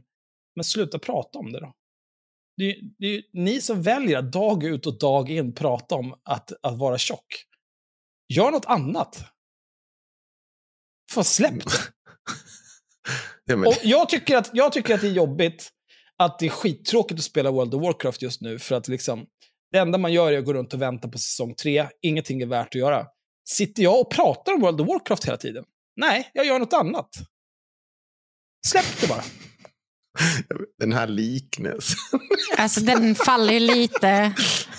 Du pratar mycket om World of Warcraft. Det gör jag ju inte. Jag har inte pratat om World of Warcraft på flera veckor. Ja, men innan dess var det mycket. Ja, men det var ju innan jag ledsnade. Nu sen tröttnar jag och bara, nej, fuck Ja. det här. Mm, Jaha, är okej. det någon ny eller vad är det som ska komma nu? Är det... Men det, är, äh, det är bara skit förmodligen också. Jag vill inte prata om det, vi får se när det kommer. Ja, ja, okej. Ja, men eh, för er som då vill lyssna, gå in och lyssna. Jag har ju som sagt intervjuat både Paula och, um, och Fredrik eh, om det här. Eh, Och det var kul. Eller hur Axel? Du tyckte det var roligt. Inte Ja, alls jag vet arg. inte. Alltså det var ju plågsamt på två olika vis. Ja, ja. ja, vad bra. Då får de andra ha det plågsamt också. Försöker få aviseringar från det jävla inlägget du men jag får ju aldrig aviseringar från någonting. Jag- Jävla Facebook är Det är Facebook som jävla skit. Men du vet, det är ett litet indieföretag. De har Ja. bara haft snart 20 år på sig att få ordning på sin jävla plattform. Ja. Men det är inte lätt. Internet, det är svåra grejer. Jag skulle vilja prata äh, att du pratar om Uvell, för det här har jag bara sett skymta förbi. Eh, Så jag skulle vilja veta vad det här handlar om. Väl? Ja, Det du har jag. lagt till Uvell Jag har inte lagt till ner. något om UL. Det har du väl? Nej, det är inte Nej. jag som har lagt till det där. Vem är det då? Det är väl Sanna? Jag har inte lagt till det väl? Nej, då är det du som har gjort det.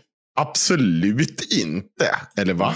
Nej, då är det någon som har hackat Vänta. dokument. Jag får ju titta i redigeringstestet. Eller va? hur full var jag i natt? Herregud alltså. Henrik, är det du? kan du kolla? Nej, men jag orkar inte. Vet du vad? Eh, det här är det dummaste jag har hört. Jag var så full i natt. Vi ska prata om något helt annat. Åh, Eh, gud. Här är en text publicerad i DN Mhm. den 6 september. Polisen krävde lista på mongoler. Rektorn vägrade. Va? Polisen insisterade på att skolan skulle skicka över en lista på alla mongoliska elever. Alternativet var enligt polisen en husrannsakan på skolan. Som rektor varken kan eller vill jag sammanställa listor trodde- baserat på förmodad etnisk tillhörighet på mina elever, säger Annika Hedåsfack. Du tänkte att jag vill ha en lista på alla mongolida elever så vi kan åka dit och avrätta dem. Ja. Det är nog inte långt från sanningen. Men det här är... Eh, nu ska vi få bli... Nu ska man få bli arg här igen för att polisen är alltså the worst. Ja. Mejlet från polisen i Farsta dök upp i rektor Annika Hedås Falks inkorg i måndags eftermiddag i maj. Hon fick veta att polisen utredde ett allvarligt brott, en grov misshandel, och att de letade efter en 16-17-årig mongol. Men fan säger så? Hur, fan, hur, hur vet de att det är en mongol? Ja, liksom, ja. a, a, red på häst och sköt pilbågar? Vad fan pågår? Jag tänkte, det här är någon som måste ha tappat sin etiska kompass. Kan det vara på riktigt eller är det ett bluffmail? Och sen är det ett screenshot på mejlet. Ämne, eftersöker 16-17-årig mongol med stort M som förekommer i ett grovt brott. Hej Annika, fick dina uppgifter att bla bla bla Stockholms stad. Jag behöver namn, personnummer och hemadress på de mongoler med stort M som ni har som elever. Ska eventuellt bo i bla bla bla bla bla, bli polisen i Farsta. Bla. Dels, jag vet inte, nu, jag vet inte, Eh, jag vet inte, det här med polisen som bara skickar ett mail till någon och säger hej, jag vill ha namn, personnummer och adress på alla personer som matchar det här och det här är etnisk tillhörighet. Jag tror inte det faktiskt. Jag tror inte att det är så vi håller på i Sverige. Annika Hedås Falk är lärare i grunden och har med avbrott för en tjänst som utbildningsansvarig på Nobelstiftelsen arbetat som rektor i snart 20 år. Sedan ett och ett halvt år tillbaka är hon rektor på Stockholms estetiska gymnasium, en skola med 250 elever. Ofta har hon samarbetat med polisen och andra myndigheter, berättar hon. Normalt sett brukar poliser som utreder ett misstänkt brott komma förbi, legitimera sig och titta i skolkataloger. Det har aldrig varit några problem. Men i det här fallet ville polisen få mig som rektor att definiera minderåriga elever utifrån etnicitet och dessutom skicka över känsliga personuppgifter digitalt. Det är både oetiskt och i strid med GDPR. Av mejlkorrespondens mellan rektorn och polisen framgår att Annika Hedås Falk ifrågasatte polisens önskan. En polis ringde då upp, berättar hon, och förklarade att mongoliska namn är lätta att känna igen. Kan vi f- Example Mongolian names. Alltså.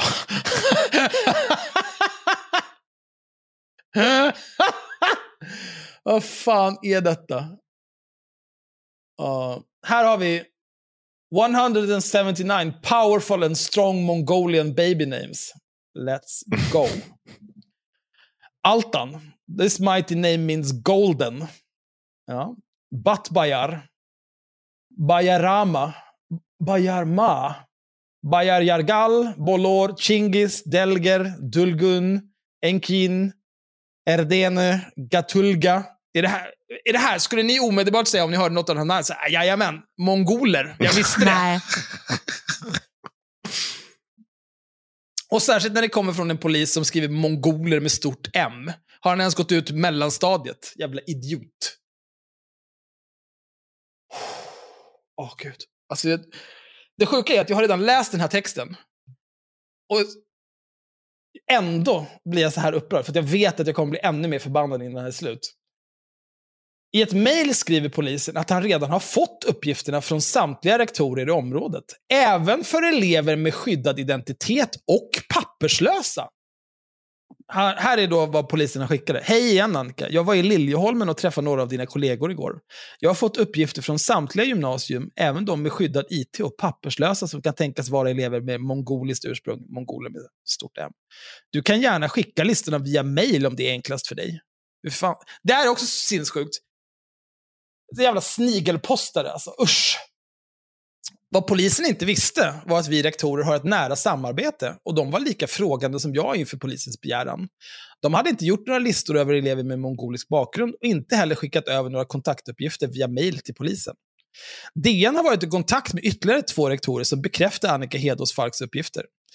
I mail meddelade polisen till slut att åklagare skulle besluta om husrannsakan på skolan om Annika Hedås Falk inte skickade över uppgifterna. En polis ringde upp och sa att om 15 uniformerade poliser stormar in i skolan är det mer integritetskänsligt än att jag bara låter dem få uppgifterna, berättar hon. Men jag vägrade och bad åklagaren ringa upp, vilket inte hände. En vecka senare kom polisen till Stockholms estetiska gymnasium och gick igenom klasslistorna på plats. Annika Hedåsfalk har anmält polisens krav och hantering till justitieombudsmannen. Jag vill veta hur JO ser på saken. Är jag skyldig att upprätta listor på elever baserat på etnicitet när polisen efterfrågar det? Kan polisen begära att jag ska mejla över namn och kontaktuppgifter för människor som lever med skyddad identitet eller är papperslösa? Hon drar paralleller till Skånepolisens olagliga register över romer, det så kallade romregistret, som avslöjades av Dagens Nyheter 2013 och informationsplikten av kritiker kallad angiverilagen, som bland annat innebär att skolpersonal kan komma att bli skyldig att anmäla papperslösa till Migrationsverket eller polisen. Polisen i Farsta verkar tro att det här lagförslaget redan har gått igenom och att skolor kan föra register över elevernas etnicitet. Det här skapar stor oro hos mig som rektor. Justitieombudsmannen har inlett en utredning och begärt in handlingar från Polismyndigheten. I en kommentar till DN skriver Björn Fritzell, gruppchef för lokalpolisområde Farsta, att de haft en dialog med den berörda rektorn som bland annat haft synpunkter på polisens arbetssätt. Åsikterna går delvis isär kring hur denna dialog har förts och vad som sagts och inte, skriver Björn Fritzell. Han välkomnar att saken utreds av JO och vill inte ge fler kommentarer. Då är det alltså det är en mailkonversation, så det är inte så mycket snack om vad som har sagts och inte sagts. Förutom då när den här jävla horungen till polisen ringde upp och hotade med att göra husrannsakan. Det här är en person som inte ska ha ett jobb överhuvudtaget. Det här är en person som ska vara inlåst i en container som sakta singlar ner mot havets botten. Det här är en värdelös människa. Eh, och ja, jag vet inte, vad är värst? Eh, fascistpoliser som vill eh, sammanställa register över mongoler eller poliser som avrättar mongoloider? Jag vet inte. Men jag tycker att vi borde avskaffa poliser, för det är fan ingen nytta. Hey, it's Danny Pellegrino from Everything Iconic. Ready to upgrade your style game without blowing your budget? Check out Quince. They've got all the good stuff, shirts and polos, activewear and fine leather goods, all at 50 to 80% less than other high-end brands. And the best part? They're all about safe, ethical and responsible manufacturing. Get that luxury vibe without the luxury price tag. Hit up quince.com slash upgrade for free shipping and 365-day returns on your next order. That's quince.com slash upgrade. Hi, I'm Daniel, founder of Pretty Litter. Did you know cats tend to hide symptoms of sickness and pain? I learned this the hard way after losing my cat, Gingy. So I created Pretty Litter, a health monitoring litter that helps detect early signs of illness by changing colors, saving you money and potentially your cat's life. Pretty Litter is veterinarian developed, and it's the easiest way to keep tabs on your fur baby's health right at home. Go to prettylitter.com and use code ACAST for 20% off your first order and a free cat toy. Terms and conditions apply. See site for details. Ever catch yourself eating the same flavorless dinner three days in a row? Dreaming of something better? Well, HelloFresh is your guilt-free dream come true, baby. It's me, Kiki Palmer. Let's wake up those taste buds with hot, juicy pecan-crusted chicken or garlic butter shrimp scampi. Mm. Hello Fresh. Stop dreaming of all the delicious possibilities and dig in at HelloFresh.com. Let's get this dinner party started.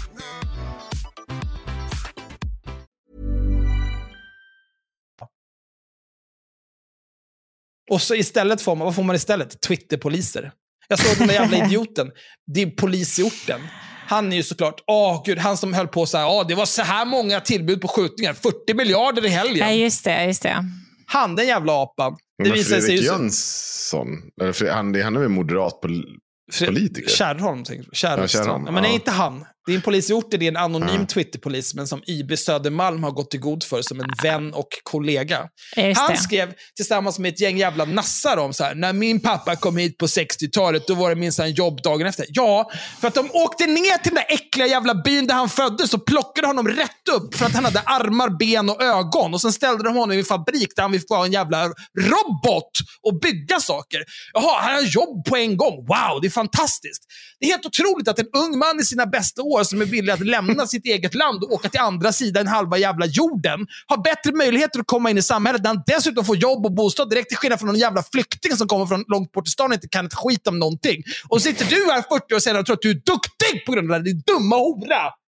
Jag hatar honom. Alltså. Han är så jävla dum! Och självklart polis. Det absolut sämsta yrket. Ja, jag tar livet av mig. Jag orkar inte.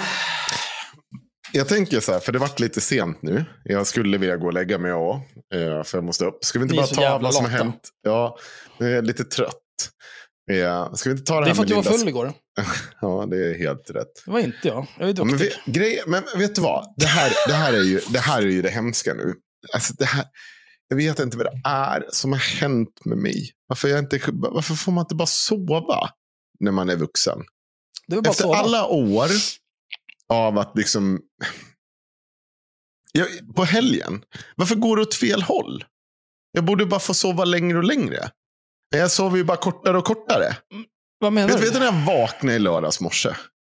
Nej. Halv sju. Varför då? Jag vet inte. För att min kropp är CP-förstörd i hela ma- allt. Allt är bara fel. Och så idag, först vaknade jag typ i halv åtta. Dags att gå upp nu Henrik. Varför, Ja, väl... varför, varför borde du inte gå upp nu? Du, du drack två liter vin igår och x antal öl. Det är klart du ska gå upp nu Henrik. Kan du gå upp nu? Du kan gå och kissa åtminstone. Ja. Sen kan du bara ligga här och vrida dig i så olika typer av ljumsksmärtor. För att du har tydligen fyllt 40. Så då går vi inte upp efter, liksom, alltså, efter klockan åtta. För det gör vi före nu. Nej, så är min kropp Du bara låta bli. Nej, men, vadå? Jag ligger ju bara där. Ja. Jag vill ju bara men- sova. Ja, nej, jag vet inte. Du får väl bli polis. Ja, men jag tänkte att vi, du måste ju ta upp om lite, vad, du har ju pratat med, vi har gjort en grej med Linda Skugge. Det är inte en grej. Det måste du ta upp. För det är väldigt Ja. kul. Hon är så jävla otrevlig. Alltså, riktigt jävla, men det är, jag, jag hade ju rätt sist det jag sa. Alltså hon är ju inte, det, det här är ju en person som, hon, hon ville ju inte bli, hon var ju med i Gott Snack. Jag lyssnade på henne när hon var med där. Mhm. Och så berättar de vad hon gör och vad hon skulle göra och så allt. Och allt är så fine and dandy. Och, och det är var ju det nyligen eller? Ja, inte så. Det var typ eh, var det dagen efter sist vi hade pratat om henne. Eh, och det, hon, då har hon ju ställt upp där. För det, där vet hon ju att där kan hon ju sitta och alla kommer skratta med henne och tycka att det är så kul att hon har gjort en ny grej nu. Och det är toppen. Och det, får, får, det, det är inte ett problem att hon har gjort en ny grej. Det är att det inte finns någon frågansättande av att allt hon sitter och säger där om att så att hon bara har varit, hon beskriver det som att hon bara varit köpt hela tiden. Som hon bara varit en nickedocka som bara eh, spelade ett spel. Men problemet är att hon har ju liksom så dömt ut andra människor. Eh, haft åsikter hur andra människor ska leva sitt liv. Och sen är det liksom, så, nej, nej men allt Men bara, inte- just a, just a prank bro. Just a prank. Var, Ja. jag var bara betald. Mer Jag kan egentligen Just. tycka vad som helst. Jo, men det är ju hennes grej. Att hon, hon är ju liksom... Och vet, ja, det, hon, hon, hon verkar sätta någon typ av heder i det där att hon kan göra folk sura. Och Ja. det är väl fine. Men jag, jag fattar inte, om, om hon nu har varit så otroligt skicklig på det under så många års tid, varför, varför är du tvungen att starta en Onlyfans och bli pissad på för att ha råd att betala hyran? Nej, men hon Vad var fan jättestolt över hur mycket Någonting pengar hon här. just nu. Va? Hon var så jävla stolt över hur mycket pengar hon tjänar nu. Och det än en gång, det är inte det som är grejen. För Nej, det, men jag, jag skiter i det, men jag det, fattar det inte. jag blir sur antingen, över. antingen så är det ju den här stora frigörelsen att ha en Onlyfans. Ja. Men hur är det det samtidigt som hon startade sin Onlyfans för att ha råd att betala hyran? Du måste välja en av dem, du kan inte få båda. Nej, men det, det, hon säger det. Hon säger bara att det är som att allting bara varit hela tiden. Jag bara, de betalar mig för att skriva, då gjorde jag det. Men ja... Men, Men hon valde väl vad hon ville skriva om? eller? Ja, alltså jag, jag har ju mindre respekt för det när du bara sitter och säger så här att jag bara gjorde det de sa åt mig och ni betalade mig för. För att jag bara var en jävla nickedocka. Alltså så här, än att du liksom så här, det är ju fan mycket mer horeri än att du visar en naken. Ja, men vad, jag, menar ju, alltså så här, jag menar ju inte att hon är eh, prostituerad på något sätt. Det, hon bara sitter och berättar bara hur liksom stolt hon är över att nej, jag bara skrev för att jag fick pengar för det och bytte åsikt varannan vecka. Ja, jo, men då är det ju inte...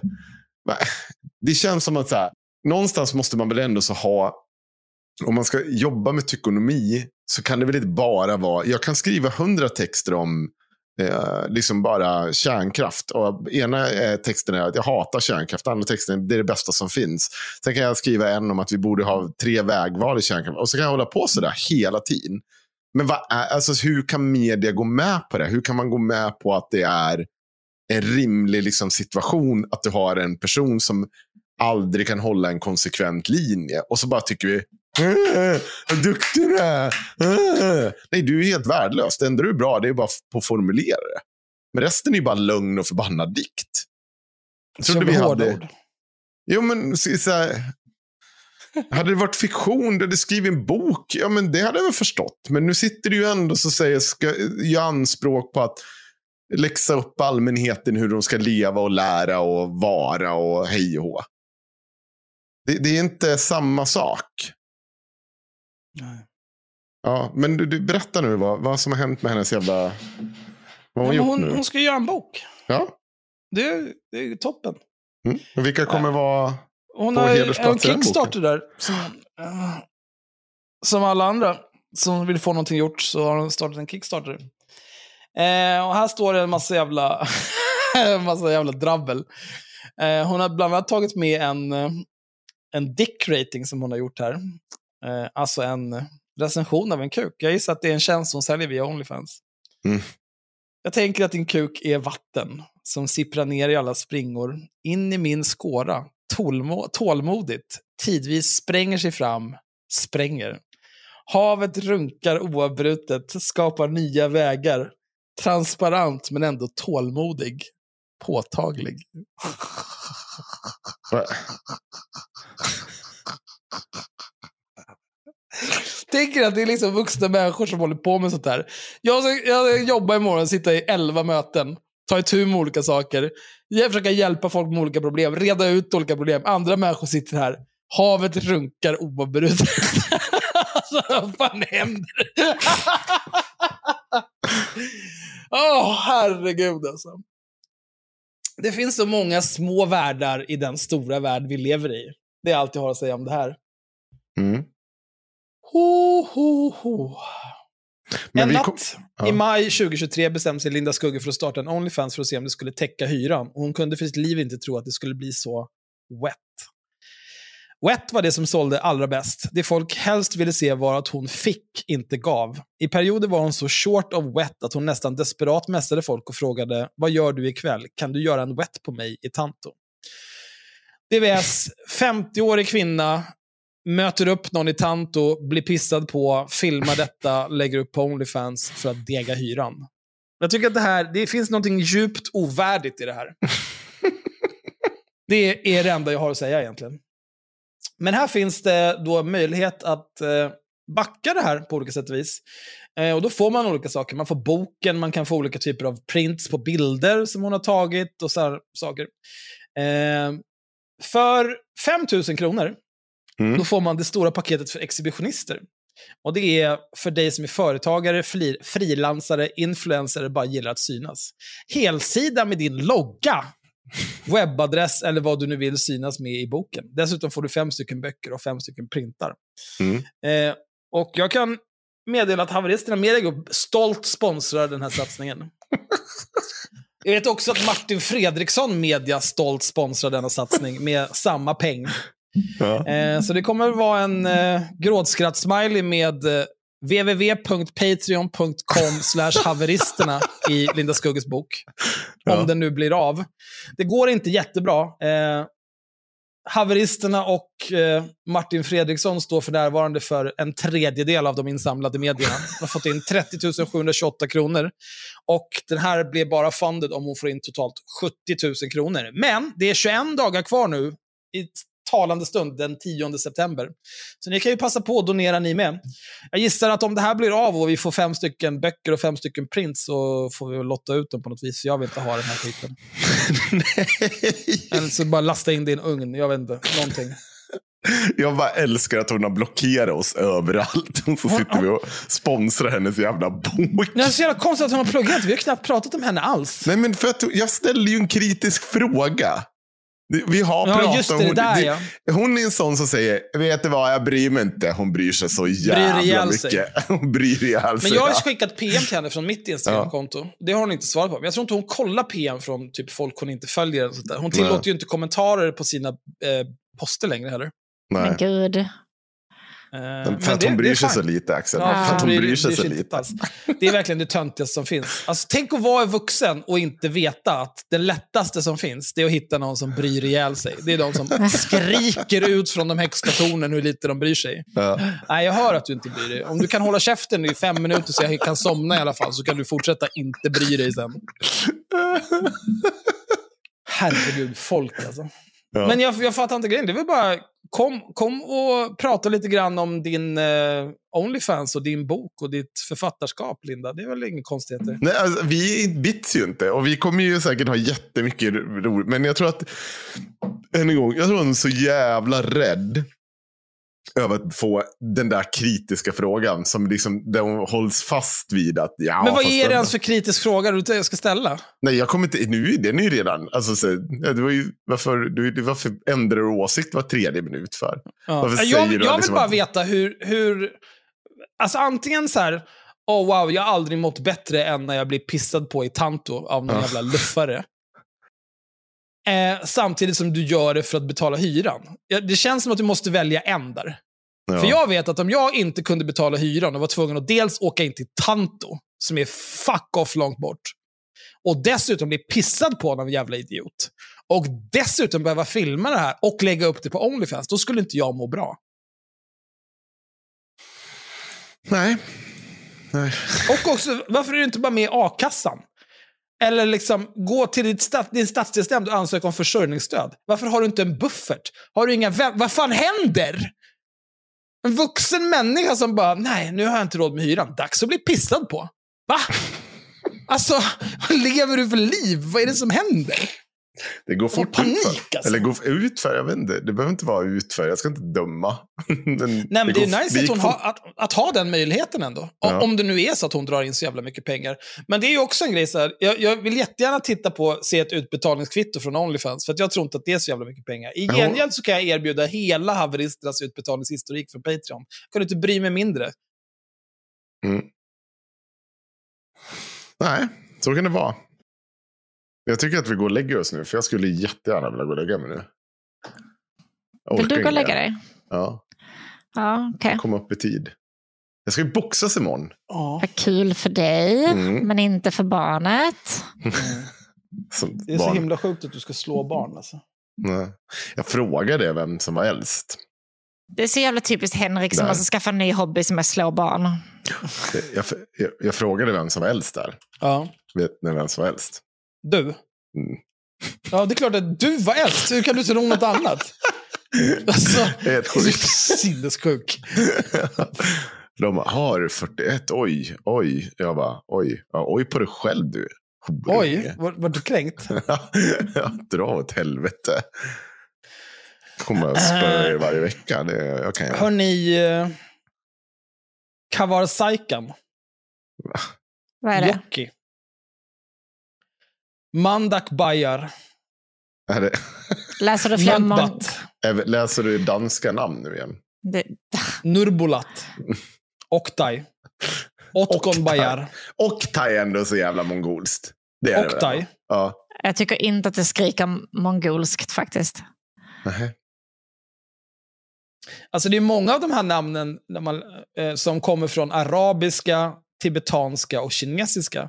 Så det verkar ju som att den här polisen som skriver mongoler med stort M ändå är otroligt beläst, som kan eh, känna igen ett eh, äkta mongoliskt namn med stort M då givetvis, direkt. Det är verkligen...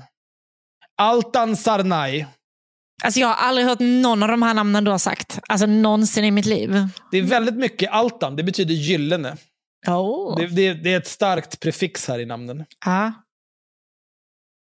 Altan Setseg betyder gyllene blomma. Tror ni att det är ett flicknamn eller ett pojknamn? Ingen aning. Ja, det är väl givetvis ett flicknamn. Ja, okej. Eh, så, så gott hörni. Badam Lianhua. Snabbt nu Sanna, snabbt nu. Baigalma. Fridens. Bats